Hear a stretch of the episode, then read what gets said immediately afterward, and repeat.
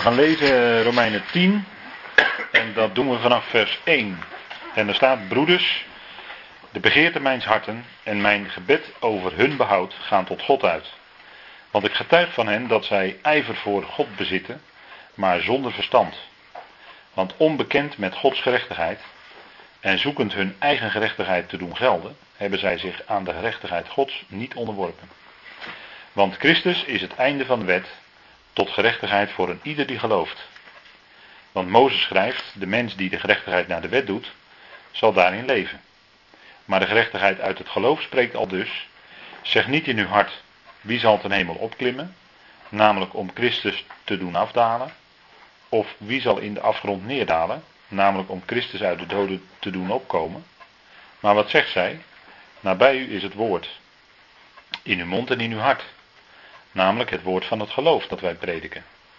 Want indien gij met uw mond beleidt dat Jezus Heer is, en met uw hart gelooft dat God hem uit de doden heeft opgewekt, zult gij gered worden. Want met het hart gelooft men tot gerechtigheid, en met de mond beleidt men tot behoudenis. Immers, het schriftwoord zegt, al wie op hem zijn geloof bouwt, zal niet beschaamd uitkomen. Want er is geen onderscheid tussen Jood en Griek, immers één en dezelfde is Heer over allen, rijk voor allen die hem aanroepen. Want al wie de naam des Heeren aanroept, zal behouden worden. Hoe zullen zij dan hem aanroepen in wie ze niet geloofd hebben? Hoe geloven in hem van wie ze niet gehoord hebben? Hoe horen zonder prediker? En hoe zal men prediken zonder gezonden te zijn? Zoals geschreven staat, hoe lieflijk zijn de voeten van hen die een goede boodschap brengen. Tot zover. En we zijn uh, in ons uh, gedeelte bezig. Zoals aangekondigd uh, zijn we aangeland bij vers 4 van dit hoofdstuk. Romeinen 10 vers 4. En daar lezen wij, Christus is het einde van de wet tot gerechtigheid voor een ieder die gelooft. En dat werkt Paulus dan in de versen daarna verder uit. Maar ook staat het natuurlijk in een wat wijder verband vanaf vers 9, of vanaf hoofdstuk 9. En daar zien we ook dat uh, Israël die gerechtigheid hebben nagejaagd. In uh, vers 31 staat dat. Hè. Israël heeft een wet ter gerechtigheid nagejaagd, hè, de Torah, maar is aan de wet niet toegekomen. Waarom niet? Omdat het hierbij niet uitging van geloof, maar van vermeende werken. En ze hebben zich gestoten aan de steen des aanstoots, zoals geschreven staat. Nou, en die steen des aanstoots, hè, die rots der ergernis, dat is dan natuurlijk onze Heer Jezus Christus. Daar hebben zij zich aan gestoten. Want ze gingen uit van hun eigen werken. Zij wilden werken doen, wetswerken, hè, de Torah werken tot gerechtigheid. En dat is iets dat, uh, waarvan Paulus nu vaststelt dat het een weg is die in feite zij niet konden volbrengen. Die konden zij niet voleindigen. En u moet bedenken dat Paulus veel heeft te zeggen over de wet, hè, over de Torah. Eigenlijk veel meer dan de apostelen van de besnijdenis. Als je dat na zou zoeken op het woord Torah, hè, op het woord wet, bij uh, de apostelen van de besnijdenis, dan zul je ontdekken dat daar heel weinig eigenlijk over die wet gesproken wordt. Door Paulus juist wel heel veel. Waarom? Nou, dat heeft onder andere met dit vers te maken waar we nu over nadenken. Vers 4 van hoofdstuk 10, waar staat, want Christus is het einde van de wet, het einde van de Torah, tot gerechtigheid voor een ieder die gelooft. En daar zien we al een enorm verschil. Hè? Daarnet lazen we dat ook al. Dat uh, in vers 32 van hoofdstuk 9. Israël ging niet uit van geloof, maar van vermeende werken. En bij Paulus staat op heel wat momenten het geloof tegenover werken. Hè. Het principe van geloof is het principe wat overeenstemt met genade. En da daar is hij in feite de hele Romeinenbrief al mee bezig. Hè, dat het puur om, gaat om geloof. En geloof stemt overeen met genade. En dat is dus zonder de werken. Geloof wil zeggen dat je iemand aanneemt op zijn woord. Zoals Abraham, heel eenvoudig, God geloofde en het werd hem tot gerechtigheid gerekend. En dan moet u bij Abraham natuurlijk beseffen, die ook door Paulus in Romeinen 4 wordt opgevoerd, en ook in uh, Galaten 3 bijvoorbeeld, dat toen Abraham leefde en God geloofde, er totaal nog geen sprake was van een Torah, van een wet. Die kwam pas 430 jaar later, zegt Paulus. En daaruit zien we dus dat het principe van geloof al veel eerder er was dan de werken van de wet. Dat is er later allemaal bijgekomen. Toen God dat volk riep uit Egypte en zij eh, verlost waren, kregen zij die Torah van God en die moesten zij volbrengen.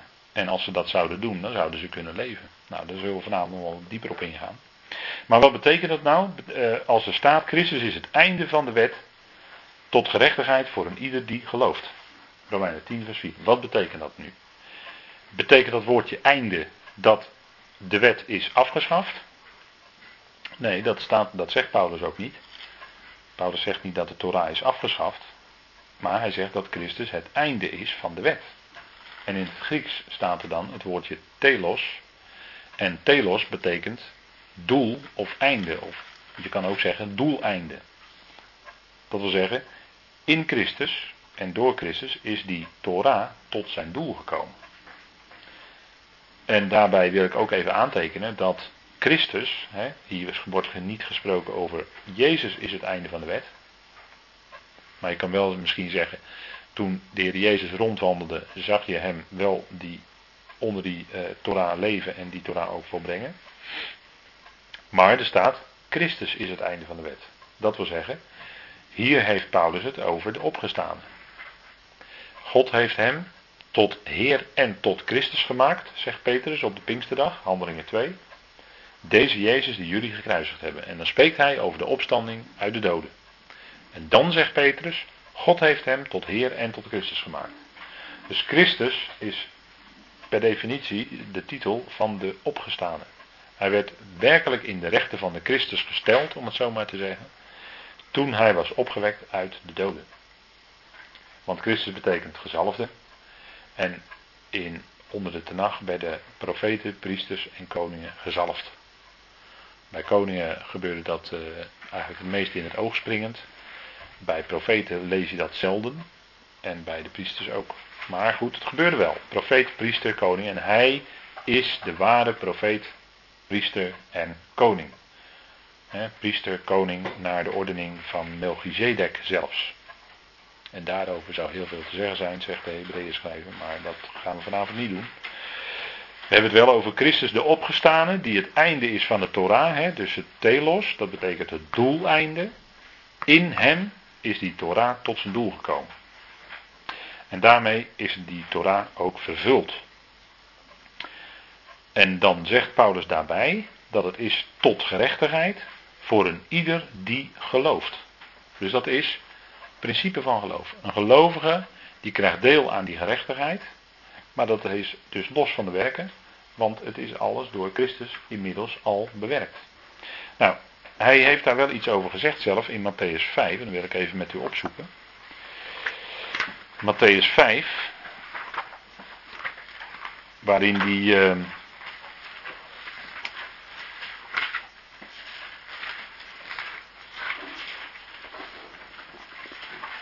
waarin hij ook iets zegt over die Torah. Want hij kwam wel natuurlijk regelmatig in een nogal ferme botsing met de fariseeën en schriftgeleerden tijdens zijn rondwandeling. Maar de, dan ging het geschil meer over de overlevering, over de tradities.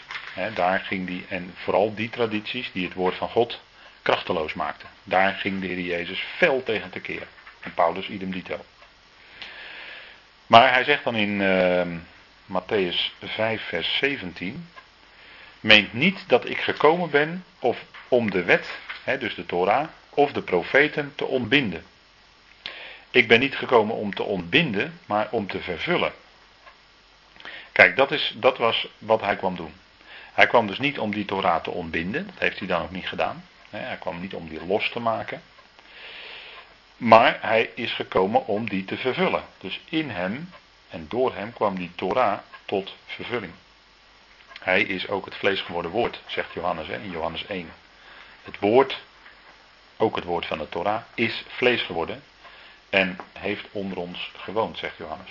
Onder ons is dan Israël. Hè? Nou, Dus dat woord werd in hem zichtbaar. Dat woord werd in hem en door hem vlees. En het woord vlees vanuit de Tanach is ook het woord goede boodschap brengen. Dat is hetzelfde woord bezor hè, in het uh, Hebreeuws.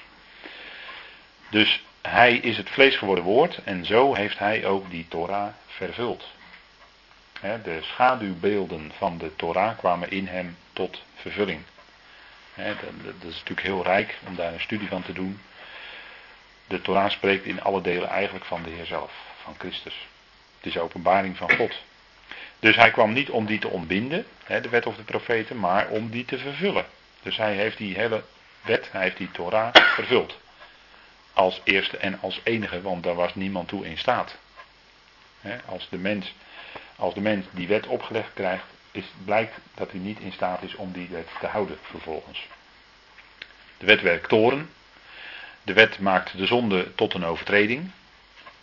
En de wet is erbij gekomen, zegt Paulus zelfs, om de overtreding of de krenking te doen toenemen. Dus dat was een hele bewuste, uh, dat was een hele bewuste zaak die God deed. Hè. De Torah is erbij gekomen omdat de overtreding toe zou nemen, zegt Paulus in Romeinen 5. Dat bleek allemaal. Bij Israël werd die wet ook op het vlees gelegd. En bleek aan alle kanten dat het volk die wet niet kon volbrengen. Hè. Ze konden die Torah niet houden. Ze overtraden hem dan ook aan alle kanten. En de Heer Jezus kwam en die heeft die Torah wel vervuld. Want dat zegt hij, hè? ik ben gekomen om te vervullen en hij heeft het ook gedaan. En hij zegt dan iets over die Torah, over een tijdstip. En dat is wat toch wel belangrijk is om even goed te zien. Want hij zegt dan in eh, vers 18 van Matthäus 5. Want voorwaar ik zeg u, eer de hemel en de aarde vergaat, zal er niet één jota of één titel vergaan van de wet van de Torah, eer alles zal zijn geschied. Dus hier verbindt hij eigenlijk hè, het, het, definitieve einde zeg maar, van, de, van de Torah, verbindt hij eigenlijk met het vergaan van de hemel en de aarde. En wanneer is dat tijdstip? Hè, wanneer gebeurt dat? De hemelen en de aarde, wanneer vergaan die? Aan het eind van duizendjarig rijk. Ja, na duizendjarig rijk. En zolang zal die Torah een, een geldingskracht hebben. Maar dan moet u wel beseffen dat bij Israël was die wetgeving ook tegelijkertijd een verbond. Hè, dat hebben we hier wel eens uh, met elkaar besproken. Hè, dat was eigenlijk een huwelijksverbond van de Heer met Israël. Die wet, hè, die Torah. En bleek dus dat Israël zich daar niet aan hield. Hè, die verbrak dat verbond. Maar er komt een tijd waarin de Heer met hen in een nieuw verbond zal treden. Er komt een tijd, en dat is nog toekomst, van het nieuwe verbond. En dan zal de Heer zelf zijn Torah in hun binnenste leggen door zijn geest. Dat is de belofte, hè? lees Jeremia maar. Jeremia 31, heel bekende woorden. En dan zullen ze dus die dan zullen ze geen stenen harten meer hebben, maar vlezen harten. En dan zal de Heer dus in hun hart die Torah leggen en dan zullen ze van binnenuit kunnen volbrengen. Maar is dat, is dat dezelfde Torah? Ja, dat is, dat is hetzelfde, die onderwijzing die al gegeven is. Maar dan legt hij dus niet opnieuw op het vlees, maar dan schenkt hij zijn geest in hun binnenste, in hun hart. En daarmee legt hij ook die Torah in hun hart. En dan zullen ze het wel kunnen volbrengen. Hoe? Nou, door de geest. Dus niet door het vlees. Dus niet door het zelf te kunnen. Want dat is al lang al gebleken. Maar omdat hij zijn geest in hun binnenste geeft, kunnen zij die Torah houden. Om het zo maar te zeggen. Het doen ze eigenlijk van binnenuit wat God vraagt. Hoe kan je dan wel voorstellen van, van al die strenge kerken dat ze zo graag die wet willen houden? Ja, maar dat, dat is dus verkeerd om. Ze ja, proberen het op. Gewoon eigenlijk goed streven. Ja, dat is een mooi streven, maar het, was, het is al lang al gebleken. Bovendien, het is bij Israël al gebleken dat, dat ze zich niet aan die Torah konden houden. En bovendien, die Torah is nooit aan heidenen gegeven. Dus als mensen nu zich op een of andere manier vrijwillig onder die Torah willen stellen, ja, dan je bent eigenlijk aan alle kanten bezig met iets wat A niet voor jou geldt, want je bent een heiden, je bent geen Jood. En B, die Torah is al tot vervulling gekomen in en door Christus. En vandaag geldt het principe van geloof en niet van werken. Dat kan wel een voorbeeld zijn. Dat zou ik vaak zeggen, toch? Nou, kijk, wat, wat natuurlijk de catechismus zegt, is, het, uh, is, het, is de bekende drieslag, hè, zoals ze dat dan noemen. Ellende, verlossing en dankbaarheid. Dus eerst moet je je ellende leren kennen, doordat je onder de wet leeft. En dan uh, blijkt aan alle kanten, maar dan ook echt aan alle kanten dat je hem niet kan houden. Dus dan kom je je eigen, als je eerlijk bent, hè. Als je eerlijk bent. Mensen die eerlijk zijn, binnen kerken, dan zeg ik wat, nu moet ik dan zeggen strenge, zware kerken.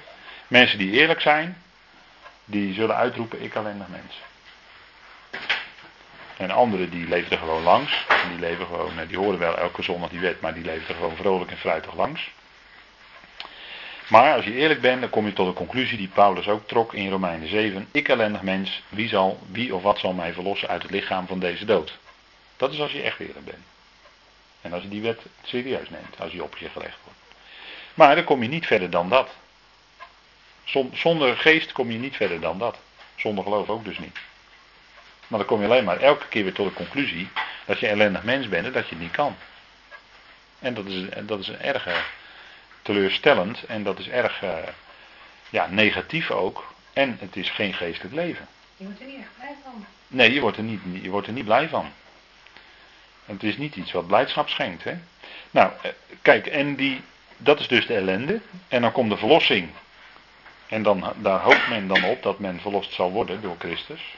En dat is echt een hopen dat het een keer gebeurt. Nou, en als dat dan eenmaal gebeurd is, ja, dan zegt de kerk van, nou ja, goed, als je een gelovige weet, als je verlost weet, dan, eh, dan uit dankbaarheid de wet houden. Dat zeggen ze dan, dat is de leefregel der dankbaarheid, noemen we dat hè, in de kerk. En daarom wordt elke zondag in kerken die tien geboden voorgelezen, die tien woorden. Dat ze dat uit dankbaarheid dan houden. Maar dat is, dat is, toch, de, ja, dat is toch weer een opleggen. En dat is iets wat niet hoeft. Want waar het bij ons om gaat is niet het principe van werken. Want als je dus probeert die, je aan die wet te houden, ben je bezig met het principe van de werken zoals Israël dat deed. Maar voor ons geldt vandaag het principe van geloof. En, dat, en toont Paulus ook aan hoor, daar komen we nog op in Romeinen 10. Dat toont hij ook aan, ook in Israël. En dat haalt hij notabene uit de Torah. Of tenminste, hij laat het verschil zien. Wat in de Torah staat en wat vandaag de dag geldt. Dus die, uh, het voorbijgaan van die Torah, dat is pas als de aarde en de hemelen vergaan zijn. Want daarna komt er een nieuwe hemel en een nieuwe aarde. En op die nieuwe hemel en nieuwe aarde gelden andere principes. De principes van de nieuwe schepping. De grondregels van de nieuwe schepping, kan ik dan ook zeggen. Nou, dat is denk ik belangrijk om dat goed met elkaar vast te stellen. Hè? Als we nadenken over wat is nou de functie van die wet, wat is nou de functie van de Torah. Hè, want je, als je de, de vraag zou opwerpen, hè, want we hebben het hier, hier vanavond ook al heel eventjes over met elkaar. Hè, als je de vraag zou op, opwerpen, wat dan de wet, of hoe dan de wet, of hoe moet je daarmee omgaan, of leven wij wel of niet onder de wet. Nou, daar, daar, daar wordt zo verschrikkelijk veel over afgediscussieerd onder christenen. Dat, dat wil je niet weten. En die hele discussie is eigenlijk overbodig als je Paulus volgt. Ja, en dat ik dat zo zeg, dat, hè, dat, uh, ja, dat is niet, uh, niet populair hoor, om dat zo te zeggen. Maar dat is de enige manier. Paulus wijst op geloof. Hè? Kijk, want dat zegt hij ook in vers 4. Christus, Romeinen 10 vers 4. Hè, gaan we even terug naar Romeinen 10. Hè, even terug naar onze tekst die we vanavond uh, bekijken. Want Christus is het einde van de Torah. Tot, en er staat er letterlijk naar binnen. Gerechtigheid. Niet voor een ieder die dat doet, nee, voor een ieder die gelooft. dat is wel even de scherpte die we moeten hebben. Voor een ieder die gelooft. En als het uit geloof is, dan is het niet uit de werken. Dat is iets wat ik vaak onderstreep. En dat is nodig, want anders denk ik dat een mens dat gauw vergeet. Dus in Christus en door Christus is die hele Torah tot zijn doeleinde gekomen. En God geeft zijn geest in ons binnenste. We zijn verzegeld met die geest. Die geest woont in ons, die geest van God, de geest van Christus. En dan kunnen we leven door die geest. Dat is Romeinen 8, dat hebben we natuurlijk ook al met elkaar gezien. Romeinen 8. Dus tot gerechtigheid voor een ieder die gelooft. Dat is het uh, ontzettend belangrijke vaststelling die Paulus hier doet. En Paulus was natuurlijk zelf iemand die onder de Torah had geleefd en ook heel ernstig en ijverig bezig was geweest met zijn voorvaderlijke overleveringen, dus met de tradities. Hij was fariseer, hij was opgeklommen in die fanatieke secte tot het hoogste. Nou, dat was een enorm wettisch gebeuren allemaal. En dat, ging, uh, dat gaat vandaag aan de dag nog allemaal om allemaal kleine en grote regeltjes voor het hele praktische leven van elke dag.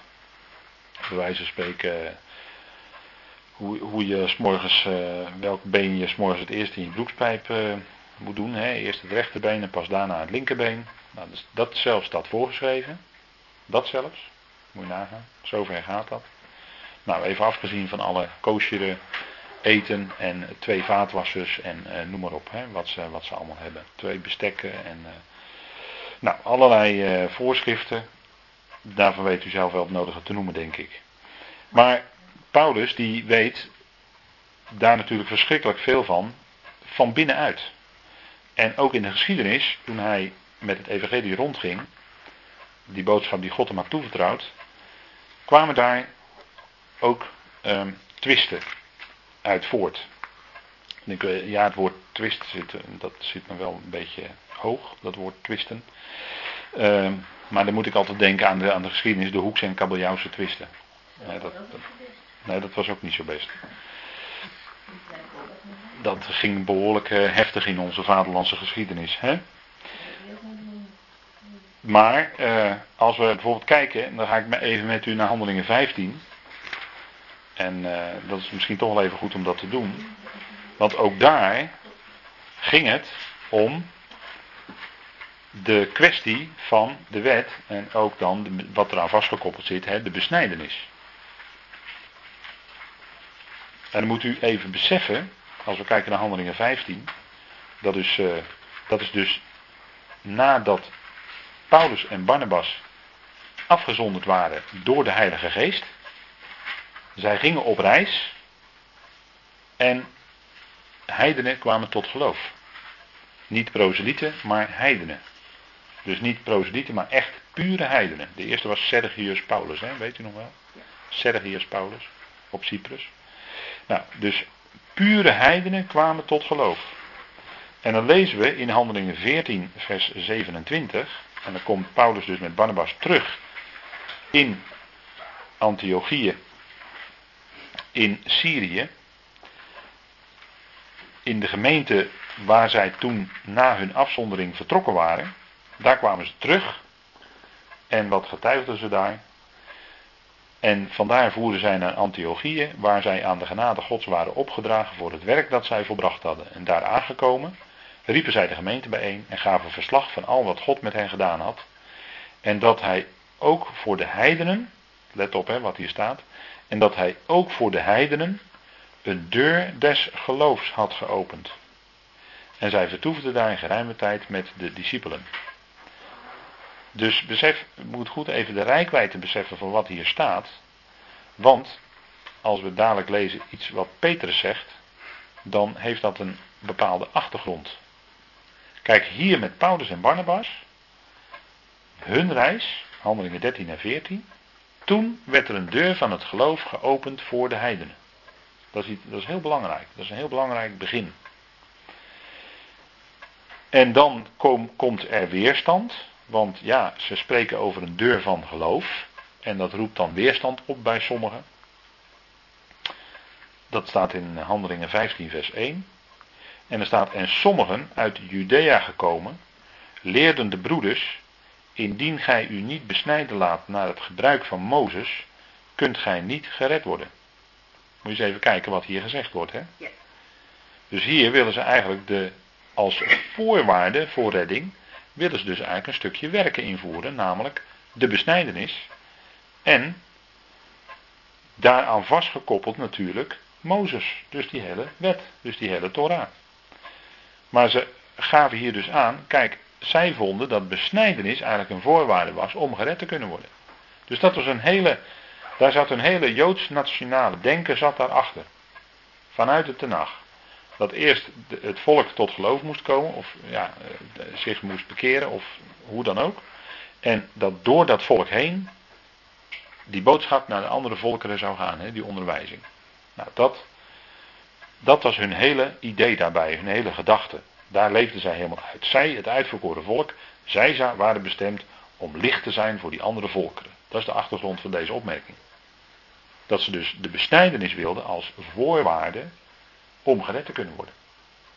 En dan gaan we dus, en wat, wat ligt hier dus, welke, uh, welke strijd is hier dan aan de hand? Nou, het is de strijd hier tussen wet en genade. Hier, hier dreigt dus die, het genadekarakter van de bediening van Paulus uh, de nek omgedraaid te worden. Dat is eigenlijk even heel, heel duidelijk. En dat is dus zodra er op welke manier dan ook maar voorwaarden gesteld worden. Als er voorwaarden gesteld worden voor redding van een mens moet iets doen, op welke manier dan ook maar het gezegd wordt, dan is dat een, uh, dan is dat direct een onderuithalen van het genadekarakter van de boodschap van Paulus. Want bij Paulus ging het om geloof, gaat het om geloof. Hij heeft het ook over een deur des geloofs die geopend was. Dus hier komt de kwestie dus van de besnijdenis.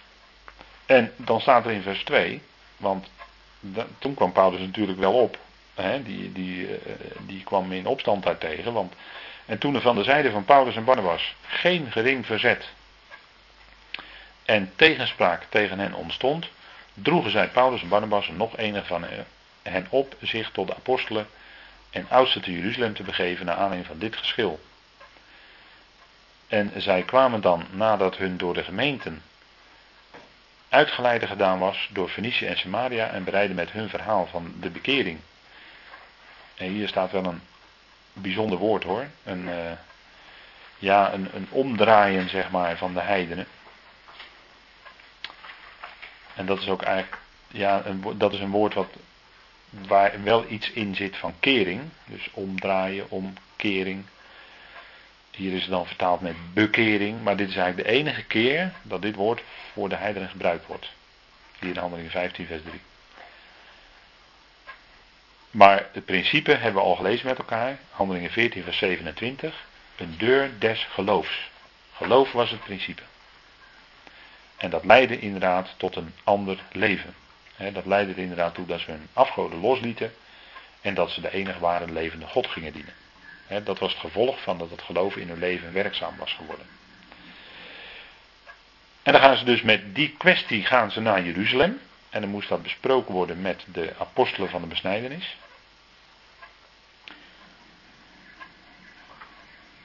En bereidden dus grote blijdschap. En te Jeruzalem aangekomen werden zij door de gemeente, de apostelen en de oudsten ontvangen. En vermelden al wat God met hen gedaan had. Maar er ontstond maar er stonden uit de partij der Fariseeën enige op die gelovig geworden waren. Dus we moeten even beseffen, Fariseeën, maar zij waren wel gelovig geworden.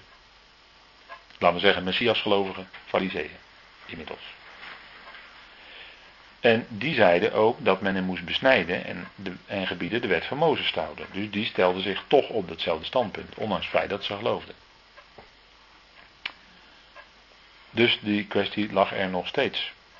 En de apostelen en de oudsten vergaderden om deze aangelegenheid te overwegen. En toen, daar, en toen daarover veel verschil van mening rees, en dat is altijd als men dus met deze dingen aankomt, dan ontstaat er veel verschil van mening. Dat kan ik u wel vertellen.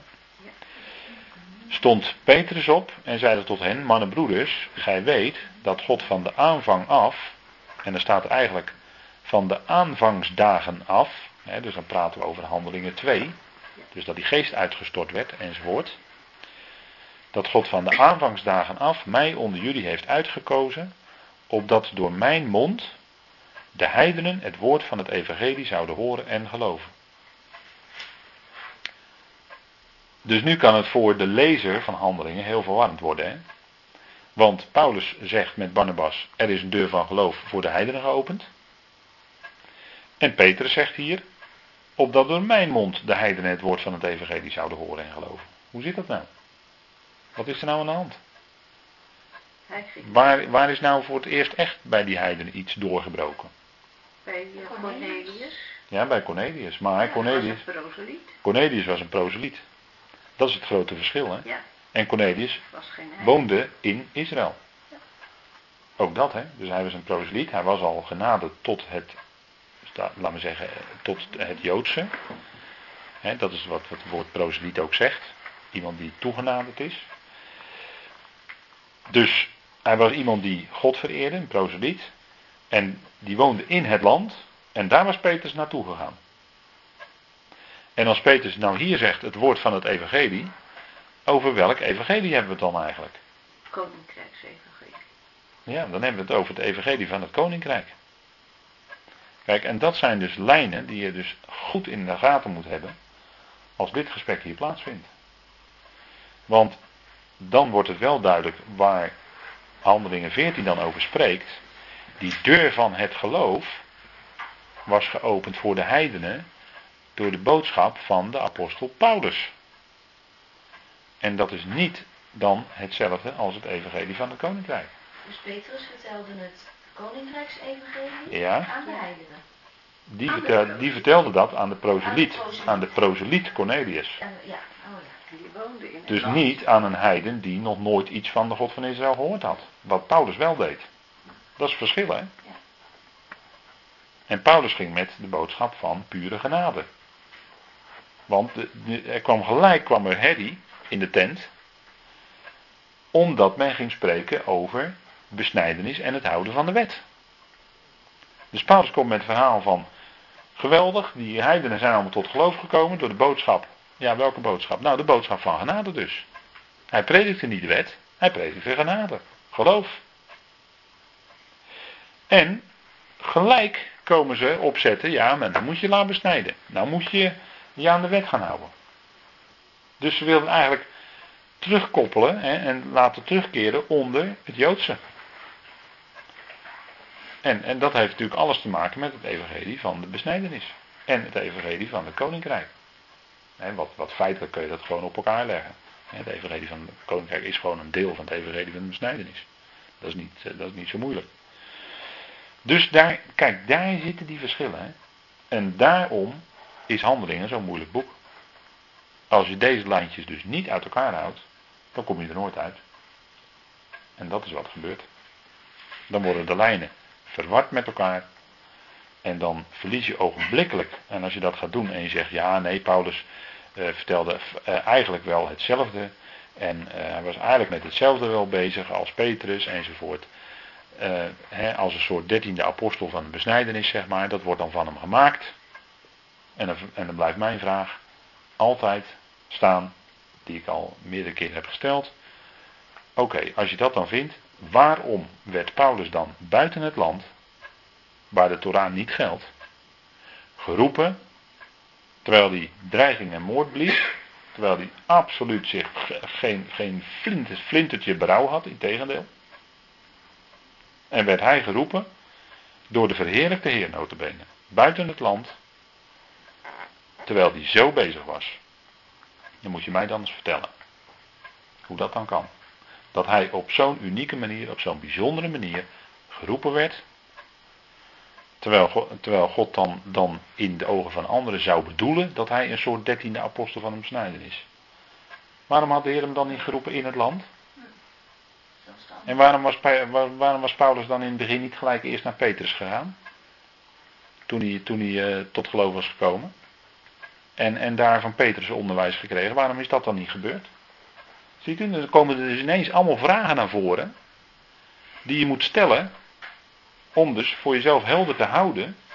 Dat dus wel degelijk dus een belangrijk verschil is. Tussen de twaalf apostelen van de besnijdenis. En Paulus. Want Paulus had gewoon een unieke bediening. En, en dat, is, eh, dat is voor veel mensen gewoon heel erg moeilijk te begrijpen. Omdat die lijnen vaak niet uit elkaar worden gehouden. En eh, dat maakt Paulus inderdaad tot een unieke apostel.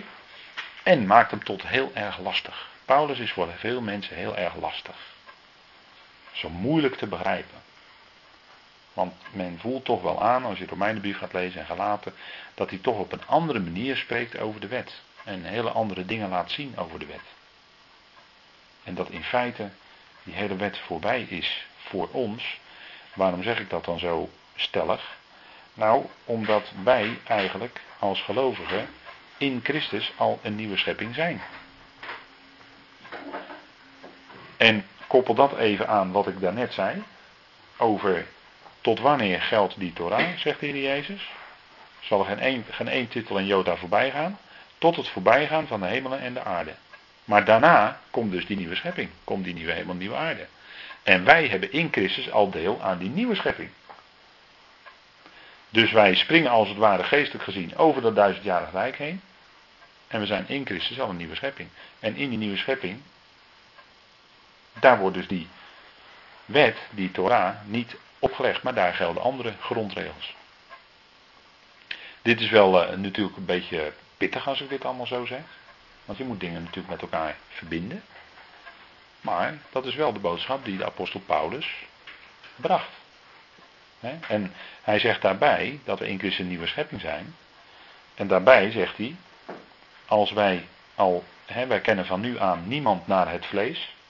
En indien wij zelfs Christus naar het vlees gekend hebben. Christus naar het vlees betekent de Heer Jezus zoals hij op aarde rondwandelde in zijn vlees. Dan zegt hij, in zoverre wij die al gekend hebben, thans niet meer. En dat zegt hij misschien dan wel tegen de uh, Messias-gelovige Joden die hem volgden. Want dat hoeft hij tegen een heiden ook niet eens te zeggen, want die heeft de Heer Jezus ook nooit gekend naar het vlees. Een heiden die leefde gewoon buiten het land. Dus, uh, dus voor een heiden zou zo'n mededeling geen enkele betekenis hebben. Dus dat is, denk ik, uh, belangrijk om dat te beseffen. Dus dat zijn echt duidelijk verschillende lijnen. En nou, dan, uh, dan, dan zegt Peters dus die dingen. En dan zegt Peters toch wel iets bijzonders daarna. En God in vers 8, handelingen 15 vers 8. En God die de harten kent, heeft getuigd door hun de Heilige Geest te geven, evenals ook aan ons. Zonder enig onderscheid te maken tussen ons en hen, door het geloof hun hart reinigend. Dus hier geeft Peters er blijk van dat hij wel door heeft gekregen. hij moest natuurlijk eerst, voordat hij naar Cornelius ging, moest hij dat laken zien met die reine en onreine dieren erop. Voordat hij overtuigd was om naar Cornelius überhaupt toe te gaan. Dus zoveel kostte het om Peters daar naartoe te krijgen. En Peters had inderdaad ingezien dat dat geloof een, een, een ander principe was. Wat hij natuurlijk wel kende. Peters kende dat wel uit de. Natuurlijk kende hij dat. Want de Torah staat, daar, daarin staat de, de, de geschiedenis van Abraham, Isaac en Jacob enzovoort. Voordat de wet kwam. En dan zegt hij, nu dan, vers 10, wat stelt gij God op de proef door een juk op de hals van de discipelen te leggen, dat nog onze vaderen, nog wij hebben kunnen dragen. Nou, dat zijn natuurlijk toch hele bijzondere woorden. Hè? Daar ontdekte Petrus eigenlijk, door dat wat Paulus zei, en dat, dat Petrus die, die voelde dat uh, haarscherp aan, kennelijk, dat die oude situatie een juk was wat hij nooit had kunnen dragen. Tot dat besef was hij gekomen. Hij was ook een gelovige in, in de Heer Jezus Christus geworden. En dan zegt hij ook in vers 11, maar door de genade van de Heer Jezus geloven wij gered te worden op dezelfde wijze als zij. Dus hier stelt Peter vast dat geloof voorop staat. En uh, hij doet dan geen uitspraak over de besnijdenis, ja of nee. Maar hij stelt wel dat principe voorop van geloof. Dus zover is het dan wel gekomen. Dus hier werd eigenlijk al vastgesteld, vanaf dat moment, dat nooit meer op de heidenen iets gelegd kon worden van je moet je laten besnijden of je moet eerst dit of dat hè, vanuit het Jodendom. Dat kon vanaf dit moment niet meer plaatsvinden. Nou, en daarna ging Paulus dan op weg met een aantal decreten, maar die werden later ook afgeschaft. Maar goed, daar ga ik nu niet op in, dat voert nu even te ver. Maar dit heeft dus die hele kwestie, hè, u ziet het dus de hele kwestie hier. Er wordt een apart convent, hè, een, een, een vergadering belegd met de apostelen om die hele kwestie van die besnijdenis en die wet vast te stellen. Hoe dat nou precies zit. Dus toen is eigenlijk wel heel duidelijk geworden dat het toch ging om geloof. Nou, en tot op vandaag de dag weet u dat er gediscussieerd, gedebatteerd wordt over of, of een gelovige nou wel of niet onder de wet moet leven. Dat, dat gebeurt uh, nog steeds. Je moet niet onder de wet leven, maar in principe wel dingen die in de wet mij niet. Ja, maar dat, dat is het principe natuurlijk van de liefde. De liefde, de liefde gaat boven de wet uit, in feite. Dus daar zit in feite alles bij in. Daarom heb ik nooit zo'n... Kijk, als je aan kinderen nou iets uitlegt hoe je als Ja. christen moet leven. En Ja. ja. op school leer je natuurlijk van... Het moet niet, maar het zijn wel Nee. regels Ja. waar je als kapstok aan kunt gaan doen.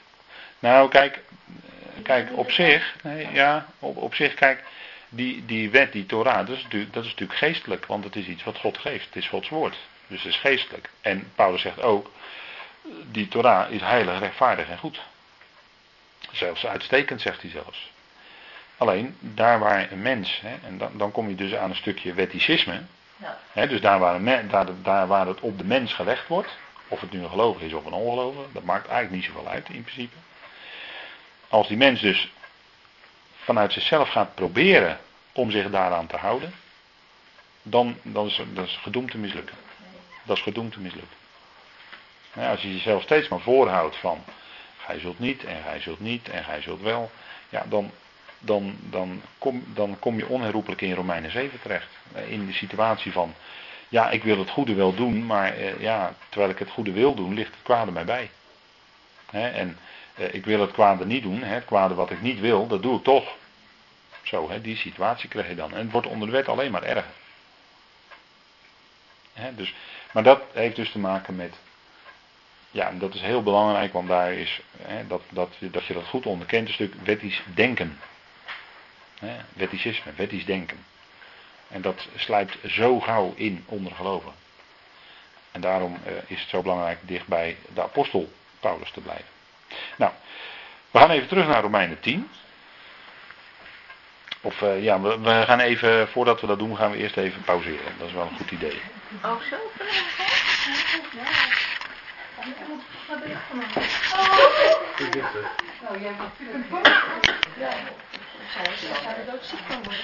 Goed, na deze korte pauze die we hebben gehad, gaan we weer verder met elkaar.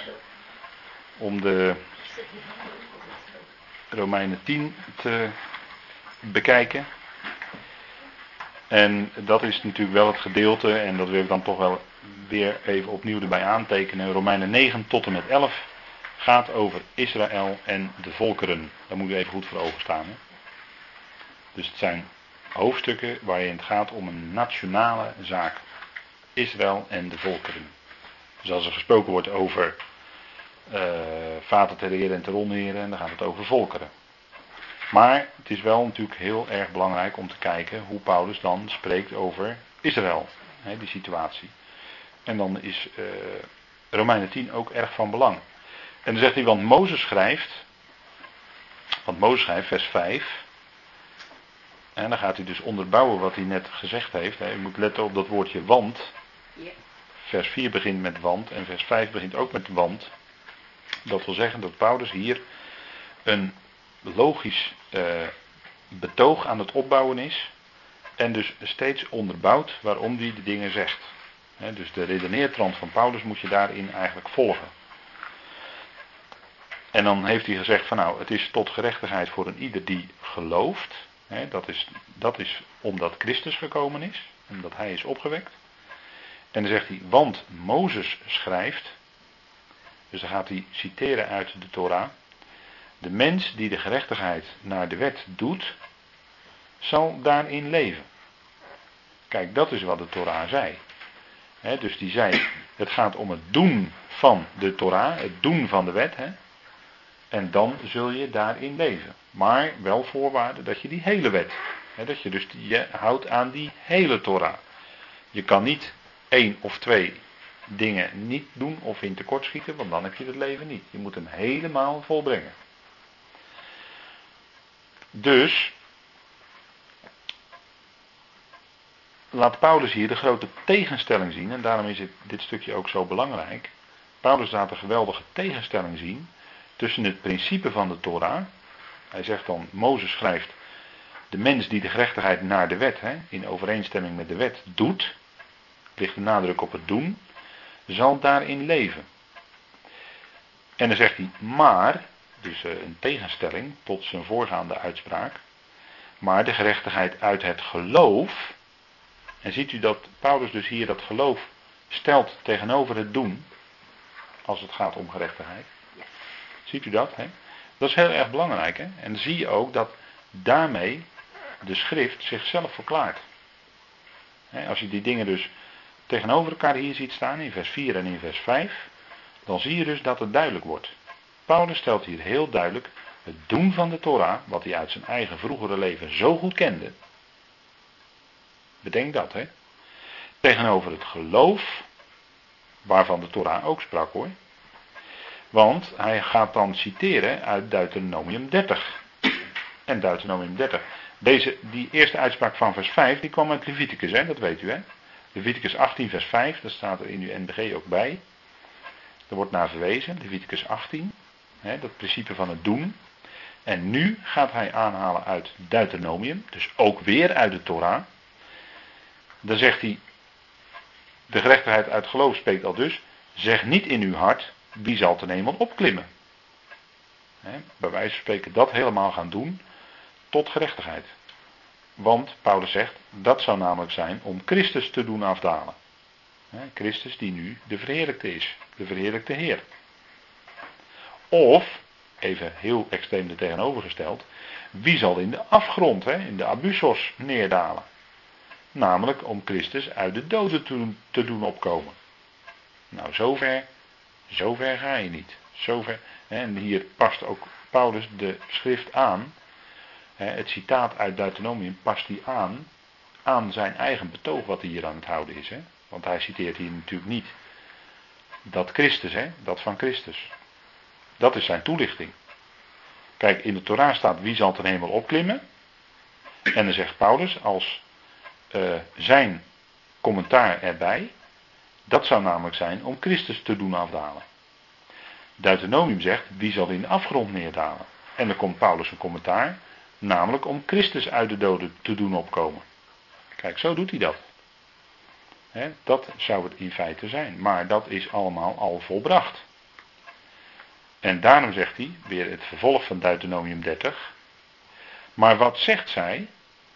Nabij u is het woord, of er staat eigenlijk de uitspraak, de rema. Dat is wat uh, uitgegoten wordt. Dat, heeft, uh, dat woord heeft te maken met gieten. Denk aan water. Water wat in de Bijbel vaak een beeld is van het woord van God en van de geest van God. Dat water, wat, dat water van het woord wat in je uitgegoten wordt als je dat woord hoort. Dat is, eh, dat is wat in, in dat rema, in die uitspraak zit. Nabij u is de uitspraak in uw mond en in uw hart. En dat staat in Deuteronomium 30. En dan zegt Paulus namelijk het woord van het geloof dat wij prediken. Dus het gaat weer om geloof, de uitspraak van het geloof. En dat zei Mozes niet. Wat zei Mozes wel? Nou, dat zullen we even met elkaar opzoeken, Deuteronomium 30. Paulus zegt het woord van het geloof prediken wij. Dan gaan we even terug naar Deuteronomium 30. En dan gaan we kijken wat daar staat. En dan zien we een opmerkelijk verschil. Wat ook heel erg duidelijk maakt en zichtbaar maakt wat het enorme verschil is tussen een boodschap die voortkomt uit of te maken heeft met het houden van of het gehoorzamen van de wet. En de boodschap, het verschil met de boodschap die de apostel Paulus bracht.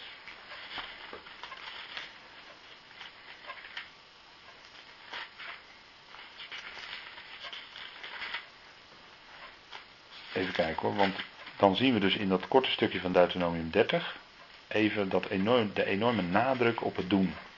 Want dit gebod dat ik u heden opleg, Deuteronomium 30 vers 11, is niet te moeilijk voor u en het is niet ver weg. Het is niet in de hemel, zodat ge zou moeten zeggen, wie zou opstijgen ten hemel? Het voor ons halen. En ziet u dat Paulus dan zegt Christus, dan zou Christus, eh, dat is Christus te doen afdalen. Hè? En het ons doen horen, opdat wij het volbrengen. En dan staat er eigenlijk doen. Opdat wij het doen. Dus de nadruk ligt daar op het doen. En het is niet aan de overkant van de zee, zodat je zou moeten zeggen: wie zal oversteken naar de overkant van de zee, het voor ons halen en het ons doen horen, opdat wij het volbrengen, opdat wij het doen, staat er letterlijk in het Hebreeuws. hier wordt dan gesproken over oversteken naar de overkant van de zee. En Paulus zegt dan het neerdalen in Nabussos. Nou, in de praktijk zit daar eh, eigenlijk niet zo heel erg veel verschil in. Want de diepte van de zee heeft wel iets te maken met die Abyssos. Maar goed, dat voert nu even te ver om daar dieper op in te gaan. En het voor ons halen en het ons doen horen opdat wij het doen. Maar dit woord is zeer dicht bij u, in uw mond en in uw hart, om het te doen. Ziet u enorme nadruk hier op het doen. En wat zegt Paulus nu? Dit woord is zeer dicht bij u in uw mond en in uw hart. En dan zegt hij namelijk het woord van het geloof dat wij prediken. Dus daar waar de Torah zegt het doen, verandert Paulus het onder leiding van de Heilige Geest, hè, geleid door de Heilige Geest, verandert hij het in het woord van het geloof. Dus hij verandert en past hier Deuteronomium 30 aan, in Romeinen 10, aan de boodschap die hij moest brengen. En het gaat om het woord van het geloof. Dus het gaat om het principe van geloof. Dus ziet u, aan de hand van dit voorbeeld kun je eigenlijk prachtig laten zien het enorme verschil hè, als, eh, als een weg tot gerechtigheid binnen het Jodendom was het doen en het houden van de Torah. En daar zijn ze dan ook een hele leven mee bezig, althans die orthodoxen. Je hebt tegenwoordig heel veel liberale Joden en eh, socialistische Joden in Israël. Hè, want uh, dat land, Israël is natuurlijk een zionistische staat. Met voornamelijk socialistische en liberale Joden. Nou, daar zou ook weer heel veel over te zeggen zijn. Maar dat is op dit moment die situatie. Maar je hebt ook groepen orthodoxen, met name in Jeruzalem. Met die zwarte kleding, met die zwarte hoeden op enzovoort. En uh, nou, je, je, je ziet ze bij wijze van spreken van 10 kilometer afstand kun je ze herkennen. Hè, is heel duidelijk herkenbaar. Nou, dat zijn die mensen die, zich, die hun leven wijden aan de studie van de Torah en vooral om dat te doen. En dat is wat Deuteronomie 30 ook zegt. En dat zullen ze natuurlijk gretig beamen. Ja, nee, de Torah, dit is allemaal om te doen. En wat zegt Paulus dan in Romeinen 10? Nee, het gaat om het woord van het geloof dat wij prediken. Dus het gaat om het horen van de. In, het gaat natuurlijk, blijft gaan om het horen. Dat inderdaad, hoor Israël, hoor. Maar het gaat dan wel om geloof. En dat is wat Paulus ook uitgebreid laat zien, bijvoorbeeld in de Galatenbrief, in Galaten 3. Hè? Het principe van geloof. Dus als een weg, om het zo maar te zeggen, tot gerechtigheid. En natuurlijk spreekt Paulus heel nadrukkelijk in de Romeinenbrief en ook in Galaten over het geloof van Jezus Christus. Daar draait het natuurlijk allemaal om. Maar dat is ook voor ons dan het leidende principe. Ook wij geloven. En dat is ook genade, hè, want geloof heeft geen verdiensten. En geloof is natuurlijk iets wat, wat je ook met je hart doet. Laat me dat dan even erbij onderstrepen gelijk. Geloven is iets wat je doet met je hart, uiteraard. het is niet, geloven is niet het alleen, puur alleen verstandelijk voor, voor waarhouden van een aantal dingen uit de Bijbel. Maar geloven is iets wat je doet met je hart. Geloof zit in je hart. Dat kan je niet geloven. Nee, en dan, dan is er ook die relatie met God. Daar leef je dan in. dus dat is natuurlijk altijd, maar goed, eh, ja, ik zeg het maar een keer, maar ik veronderstel dat eigenlijk heel erg bekend. Ik, ik heb het idee dat ik het nu moet zeggen een beetje ten overvloede. Om, uh, om het weer even duidelijk te zeggen, een keer. Maar ik veronderstel dat toch bekend hè, bij ons allemaal, dat, dat het zo werkt. Nou, dus Paulus gaat dan in Romeinen 10, ga weer terug naar Romeinen 10. En daarin spreekt hij dus over het woord van het geloof tot gerechtigheid. In plaats van het volbrengen, het doen van de Torah als weg tot gerechtigheid. En dat heeft dus alles te maken met wat hij zegt in vers 4. Christus is het einde van de Torah. In hem is dat tot zijn doel en tot zijn einde gekomen. Opdat daarna de mens nooit meer zelf hoeft te proberen die weg van gerechtigheid, die het Jodendom nog steeds gaat door de orthodoxen. Opdat de mens nooit meer die weg zou hoeven gaan. Want het kon ook niet. het hoeft niet, maar het kon ook niet. Was aan alle kanten al lang aangetoond. En daar heeft Paulus het in zijn brieven ook over. Dus en besef dat. En dat, dat maakt Paulus tot een apostel die voor veel mensen uh, lastig is.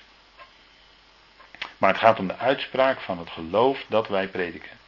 En dan zegt hij, en dan pakken we toch dat vanuit de context, hè, vanuit het tekstverband hier. Het gaat hier om Israël. Want indien gij met uw mond beleidt dat Jezus Heer is, en met uw hart gelooft dat God hem uit de doden heeft opgewekt, zult gij gered worden. Ze zullen de naam van de Heer aanroepen en zo zullen zij gered worden. Dat is wat Israël ook in de toekomst zal doen.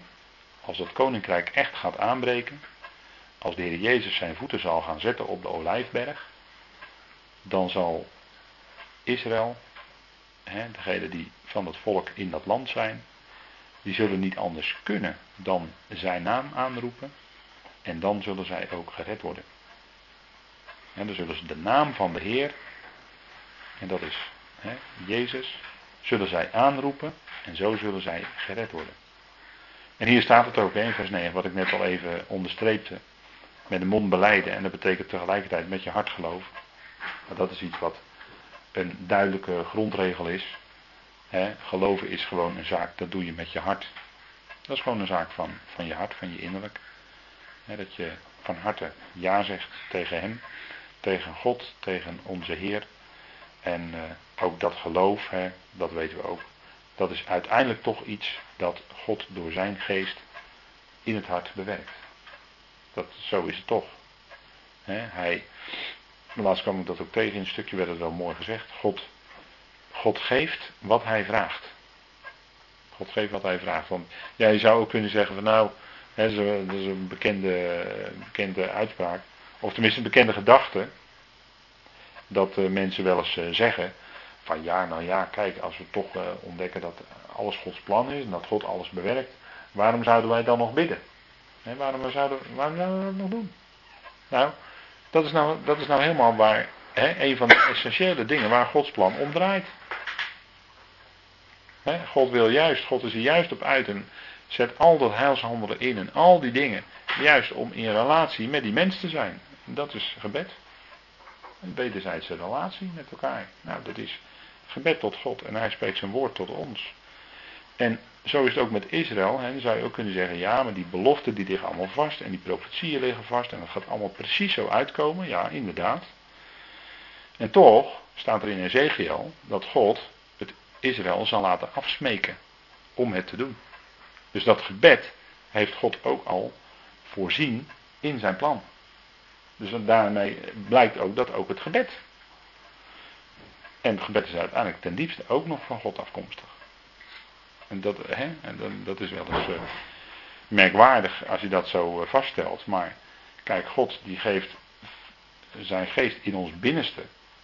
En daardoor komt eigenlijk die relatie tot stand. Hè? Dus God, ook het tot stand komen van die relatie, is iets wat God bewerkt. Anders is het niet. Uiteindelijk is toch Hij het die het alles bewerkt. Ja, dat kan niet anders. Nou met God geeft wat geeft Nou, God geeft wat hij vraagt. Dus aan de ene kant zou je kunnen zeggen, nou, God die, hè, het woord wordt gesproken. En je zou kunnen zeggen, nou, God vraagt geloof. Hè, van je hoort het, nou, geloof dat. Maar als jij op het moment dat jij dat echt ook gelooft met je hart, is er door God toch in je gewerkt. Dus hij geeft wat hij vraagt. Als hij het niet zou geven namelijk, zou je het ook niet kunnen. hij spreekt zijn woord. En je kan het alleen maar geloven omdat, het, omdat hij dat geloof door zijn geest in je hart werkt. En dan zeggen wij wel van, ja, maar je bent, eh, het, eh, je, het woord wordt gesproken en eh, we moeten tegen de, hè, de mens moet een keuze maken. En, dat is allemaal tot je dienst. Dat is allemaal tot je dienst. En eh, op zich heb ik daar nog, een, nog niet eens zo gek veel tegen hoor. Maar als iemand een keuze maakt, besef dan wel dat die keuze die gemaakt is, dat die door God gewerkt is. Want de mens is absoluut vanuit zichzelf niet in staat om die keuze te maken, überhaupt. Wat maakt het nou dat een mens op een gegeven moment in zijn leven gaat zoeken naar God? Wat is dat nou in die mens? Waarom Vertel het maar. Dat geeft Ja, God, God opent het hart. God opent het hart natuurlijk. God, God verhardt het hart van vader. God opent het hart. Ja, Lydia. Ja. Dat heb ik waarschijnlijk twee weken geleden ook gezegd. Lydia, de purperverkoopster. Dan staat erbij, de Heere opende haar hart, zodat zij aandacht schonk aan hetgeen door Paulus gezegd werd. Dan staat erbij, de Heere opende haar hart. Dus ja, dat, dat doe je zelf niet hoor. Dat vind ik toch gek, want wij geloven natuurlijk eigenlijk niet evangeliseren, maar er zijn toch mensen die, ondanks dat wij er niet in geloven, daardoor aangesproken worden. Ja, dat kan. Dan denk ik altijd, ja, hoe werkt dat dan? Ja, maar God Maar wie werkt. doet het dan eigenlijk? Ja, Wie doet dat dan eigenlijk? Wat? Wie God. doet het dan eigenlijk? Ja, God doet het, de God werkt het Door uit. jou of door een ander? God werkt het uit. Kijk, er wordt wel eens dan bezwaar, er wordt, wel eens, er wordt er wel eens tegen ingebracht van ja, eh, dat je dat er niet eh, te- veel moet benadrukken, want dan worden de mensen maar passief van, wordt er dan gezegd. Nou, ja, ik, ja Je dan, kan niet dan zit ik eigenlijk een beetje gek te kijken als ik zoiets hoor, hoor. dat vind ik. Ja. Ja. Ja. Je kan niet passief worden als je. Nee, als, je, als, als, als God geeft dat je echt gelooft, dan word je niet passief. Dan, dan, dan, blijf je niet zitten. Dan, dan heb je honger naar zijn woord. En dan wil je, en dan wil je dingen en dan wil je anderen en noem maar op. En zo werkt het gewoon. Ja, nou goed. Maar dat is met, met ehm, eh, ook dat, hè, dat, dat iemand op een gegeven moment gaat zoeken naar de waarheid. Zo kan je het ook zeggen. Waarom gaat iemand nou zoeken naar de waarheid? Wat is dat nou in iemand? Omdat Ja, God dat is- het erin legt. Ja, dat is gewoon Gods trekkende liefde. Die persoon is zich dat totaal niet bewust. En die gaat misschien eerst alle, alle mogelijke godsdiensten af. En alle filosofieën. Voordat die, hè, dat soort verhalen lees je dan wel eens. En dan komen we uiteindelijk bij geloof, bij de Bijbel komen ze uit. Ja, dan moet je, dat kan ook niet anders. Als je uitkomt bij de waarheid, dan, dan moet je bij de Bijbel uitkomen. Dat is natuurlijk logisch. En dan kom je bij Christus uit. Want hij is de waarheid. Nou, maar dat, dat zoeken naar de waarheid, ja, dat legt God ook in de mens. Ja toch? Dat, kan, kan niet anders dan. En, en zo, want ja, dat, dat is. eh, en, en dat is natuurlijk wat Paulus ook steeds naar voren brengt. En dat is ook wat. Waarbij dan uiteindelijk echt alle eer aan God is. Alle eer is aan God. Wat hebben wij nou te vertellen? We hebben toch niks te vertellen. Dat vind ik ook zo mooi als iemand tot geloof komt die in de gevangenis zit. Ja, Dat lees je wel eens in de visie. Oh ja, juist in de gevangenis. Denk ja, Hebben ze alle tijd om. eh, ja. Dat vind ik toch zo bijzonder. Denk Ja, en-. Dan word je helemaal als het ware apart gezet. En eh, Ja. je, je wordt van alles beperkt. En juist dat is vaak de gelegenheid dat iemand tot geloof komt. Ja hoor. Ja, precies.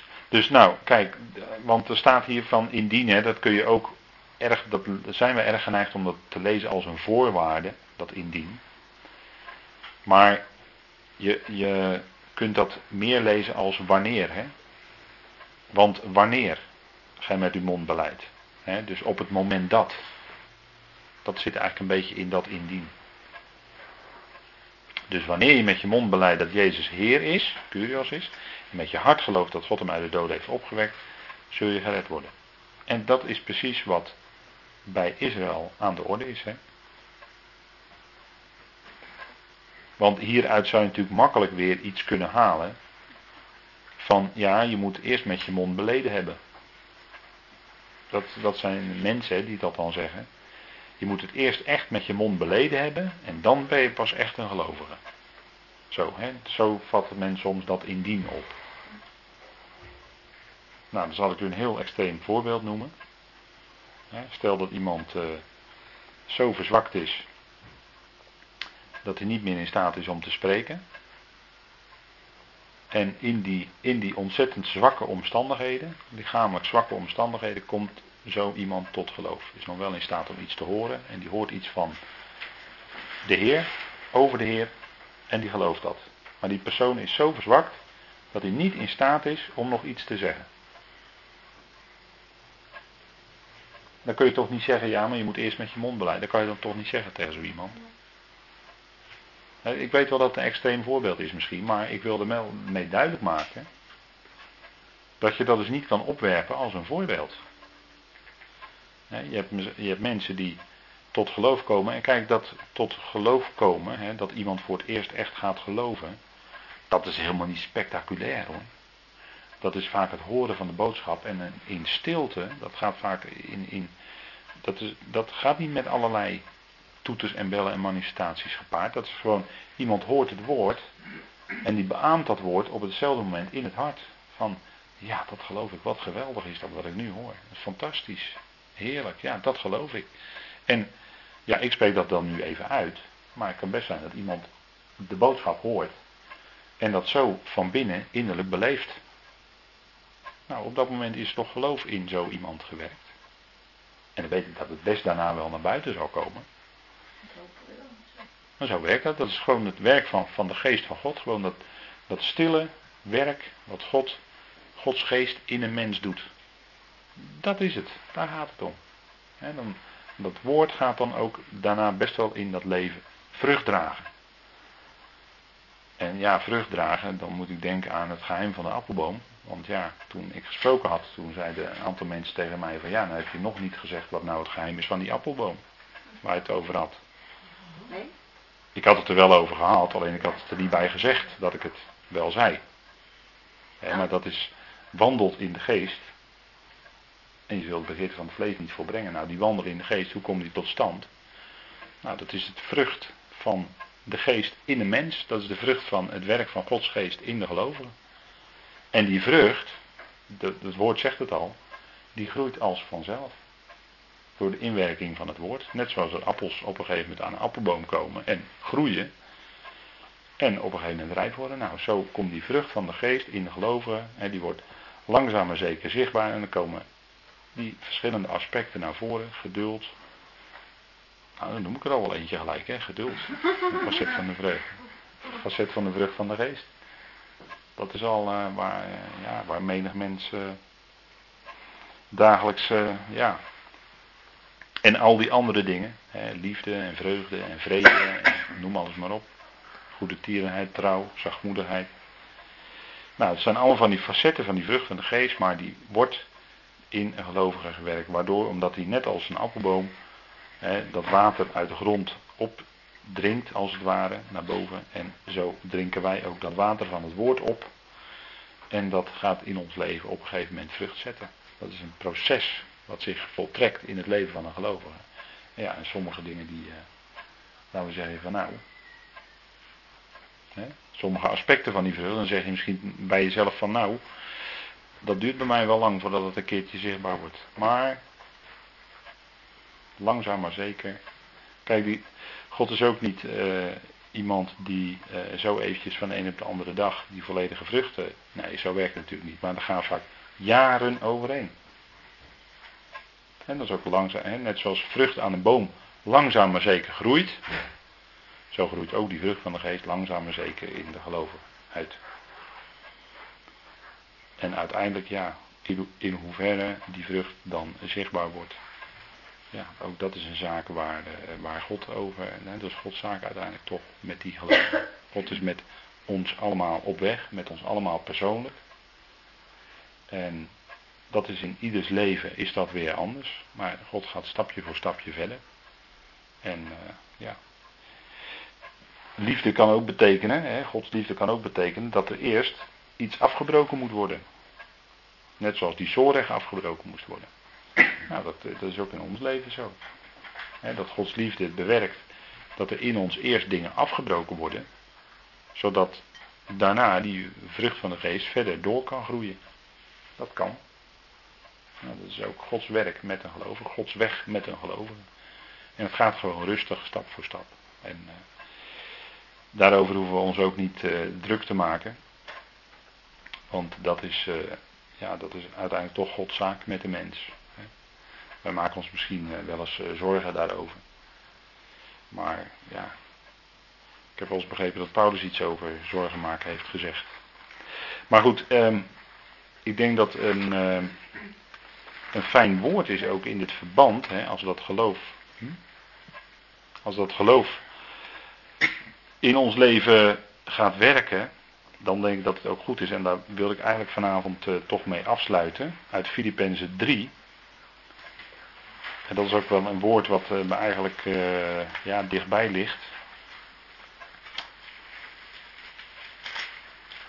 Filippenzen 3, vers 17. He, want we hebben vanavond toch even scherp gekeken naar de lijntjes Petrus Paulus. En ik denk dat in het verlengde daarvan ook goed is om even te kijken naar Filippenzen 3, die bekende woorden, maar toch altijd goed om weer te lezen. Wees allen mijn navolgers, broeders, zegt Paulus. En ziet op hen die even zo wandelen, gelijk gij ons tot voorbeeld hebt. Want vele wandelen, ik heb het u dikwijls van hen gezegd, maar nu zeg ik het ook wenend, als vijanden van het kruis van Christus. Hun einde is het verderf, hun God is de buik, hun eer stellen zij in hun schande, zij zijn aardsgezind. En misschien weet u dat wel hoor, maar er staat hier dat Paulus weent over de vijanden van het kruis van Christus. En dat zijn misschien mensen, hè, ik denk dat hij het hier heeft over gelovigen, die kunnen vriend van Christus zijn, maar tegelijkertijd vijand van het kruis van Christus. Want het kruis maakt een einde aan het oude mens, de oude mens. Het streven van de oude mens en noem alles maar op. En ook aan in feite hè, de aardsgezindheid, zoals Paulus dat hier eh, noemt hè, in vers 19. Hun einde is het verderf, hun God is de buik, hun eer stellen zij in hun schande, zij zijn aardsgezind. En dat hè, vijand van het kruis van Christus kan ook betekenen, nou, dus dat je aardsgezind bent. Hè. Kennelijk zijn die vijanden ook aardsgezind. Als ik het even zo mag zeggen. En dan zegt Paulus daar tegenover, hè, want wij zijn burgers van een rijk in de hemelen. Ziet u een enorme tegenstelling? Tussen die aardsgezindheid en wat Paulus gewoon zegt als feit over ons als gelovigen. Wij zijn burgers van een rijk in de hemelen. Waaruit wij ook de Heer Jezus Christus als redder verwachten. Die ons vernederd lichaam veranderen zal. Zodat het aan zijn verheerlijk lichaam gelijkvormig wordt. Naar de kracht waarmee hij ook alle dingen aan zich kan onderschikken. Nou, dat is natuurlijk een geweldig woord hè, wat hier staat. Hij zal ons gaan veranderen. En dan wordt dat lichaam wat nu nog vernederd is, verheerlijkt. Met zo'n grote heerlijkheid hè, dat het ook direct aangepast is voor de bestemming. Namelijk dat rijk in de hemel. Daar gaan we naartoe. Daar zijn we in principe al gezet. Maar daar gaan we naartoe straks ook lijfelijk. En daarvoor moet ons lichaam veranderd worden. En uh, daarom is dat kleven aan deze aarde, dat aardsgezind zijn, dat gericht op al deze aardse dingen hier rondom ons, dat is in feite, hè, dat is in feite een, uh, een andere richting dan wat van ons verwacht wordt, want wij zijn burgers van een rijke hemelen. En we gedragen ons soms alsof we burgers zijn hier op aarde en hier op aarde met ook altijd zullen blijven. Zo gedragen gelovigen zich soms wel eens. Maar onze toekomst en onze plaats nu al is in feite boven in de hemelen in Christus. En dat is een uh, geweldige hoge plaats. En dat zal ook werkelijkheid worden als hij komt en wij hem daar in de lucht zullen ontmoeten. En dan zal ons lichaam gelijkvormig worden aan zijn verheerlijk lichaam. Nou, als je daar dan denkt, ja, dan, dan gaat het je bijna duizelen natuurlijk. Zo'n enorm geweldig licht, zo'n enorme heerlijkheid. En dat is fantastisch dat de Heer dat ons gaat doen. Nou, laten we acht slaan op deze woorden van de apostel, Filippenzen 3. En uh, inderdaad acht slaan en ook doen wat hij in vers 17 zegt. Hem navolgen. Zoals hij Christus navolgt. Goed, tot zover voor vanavond.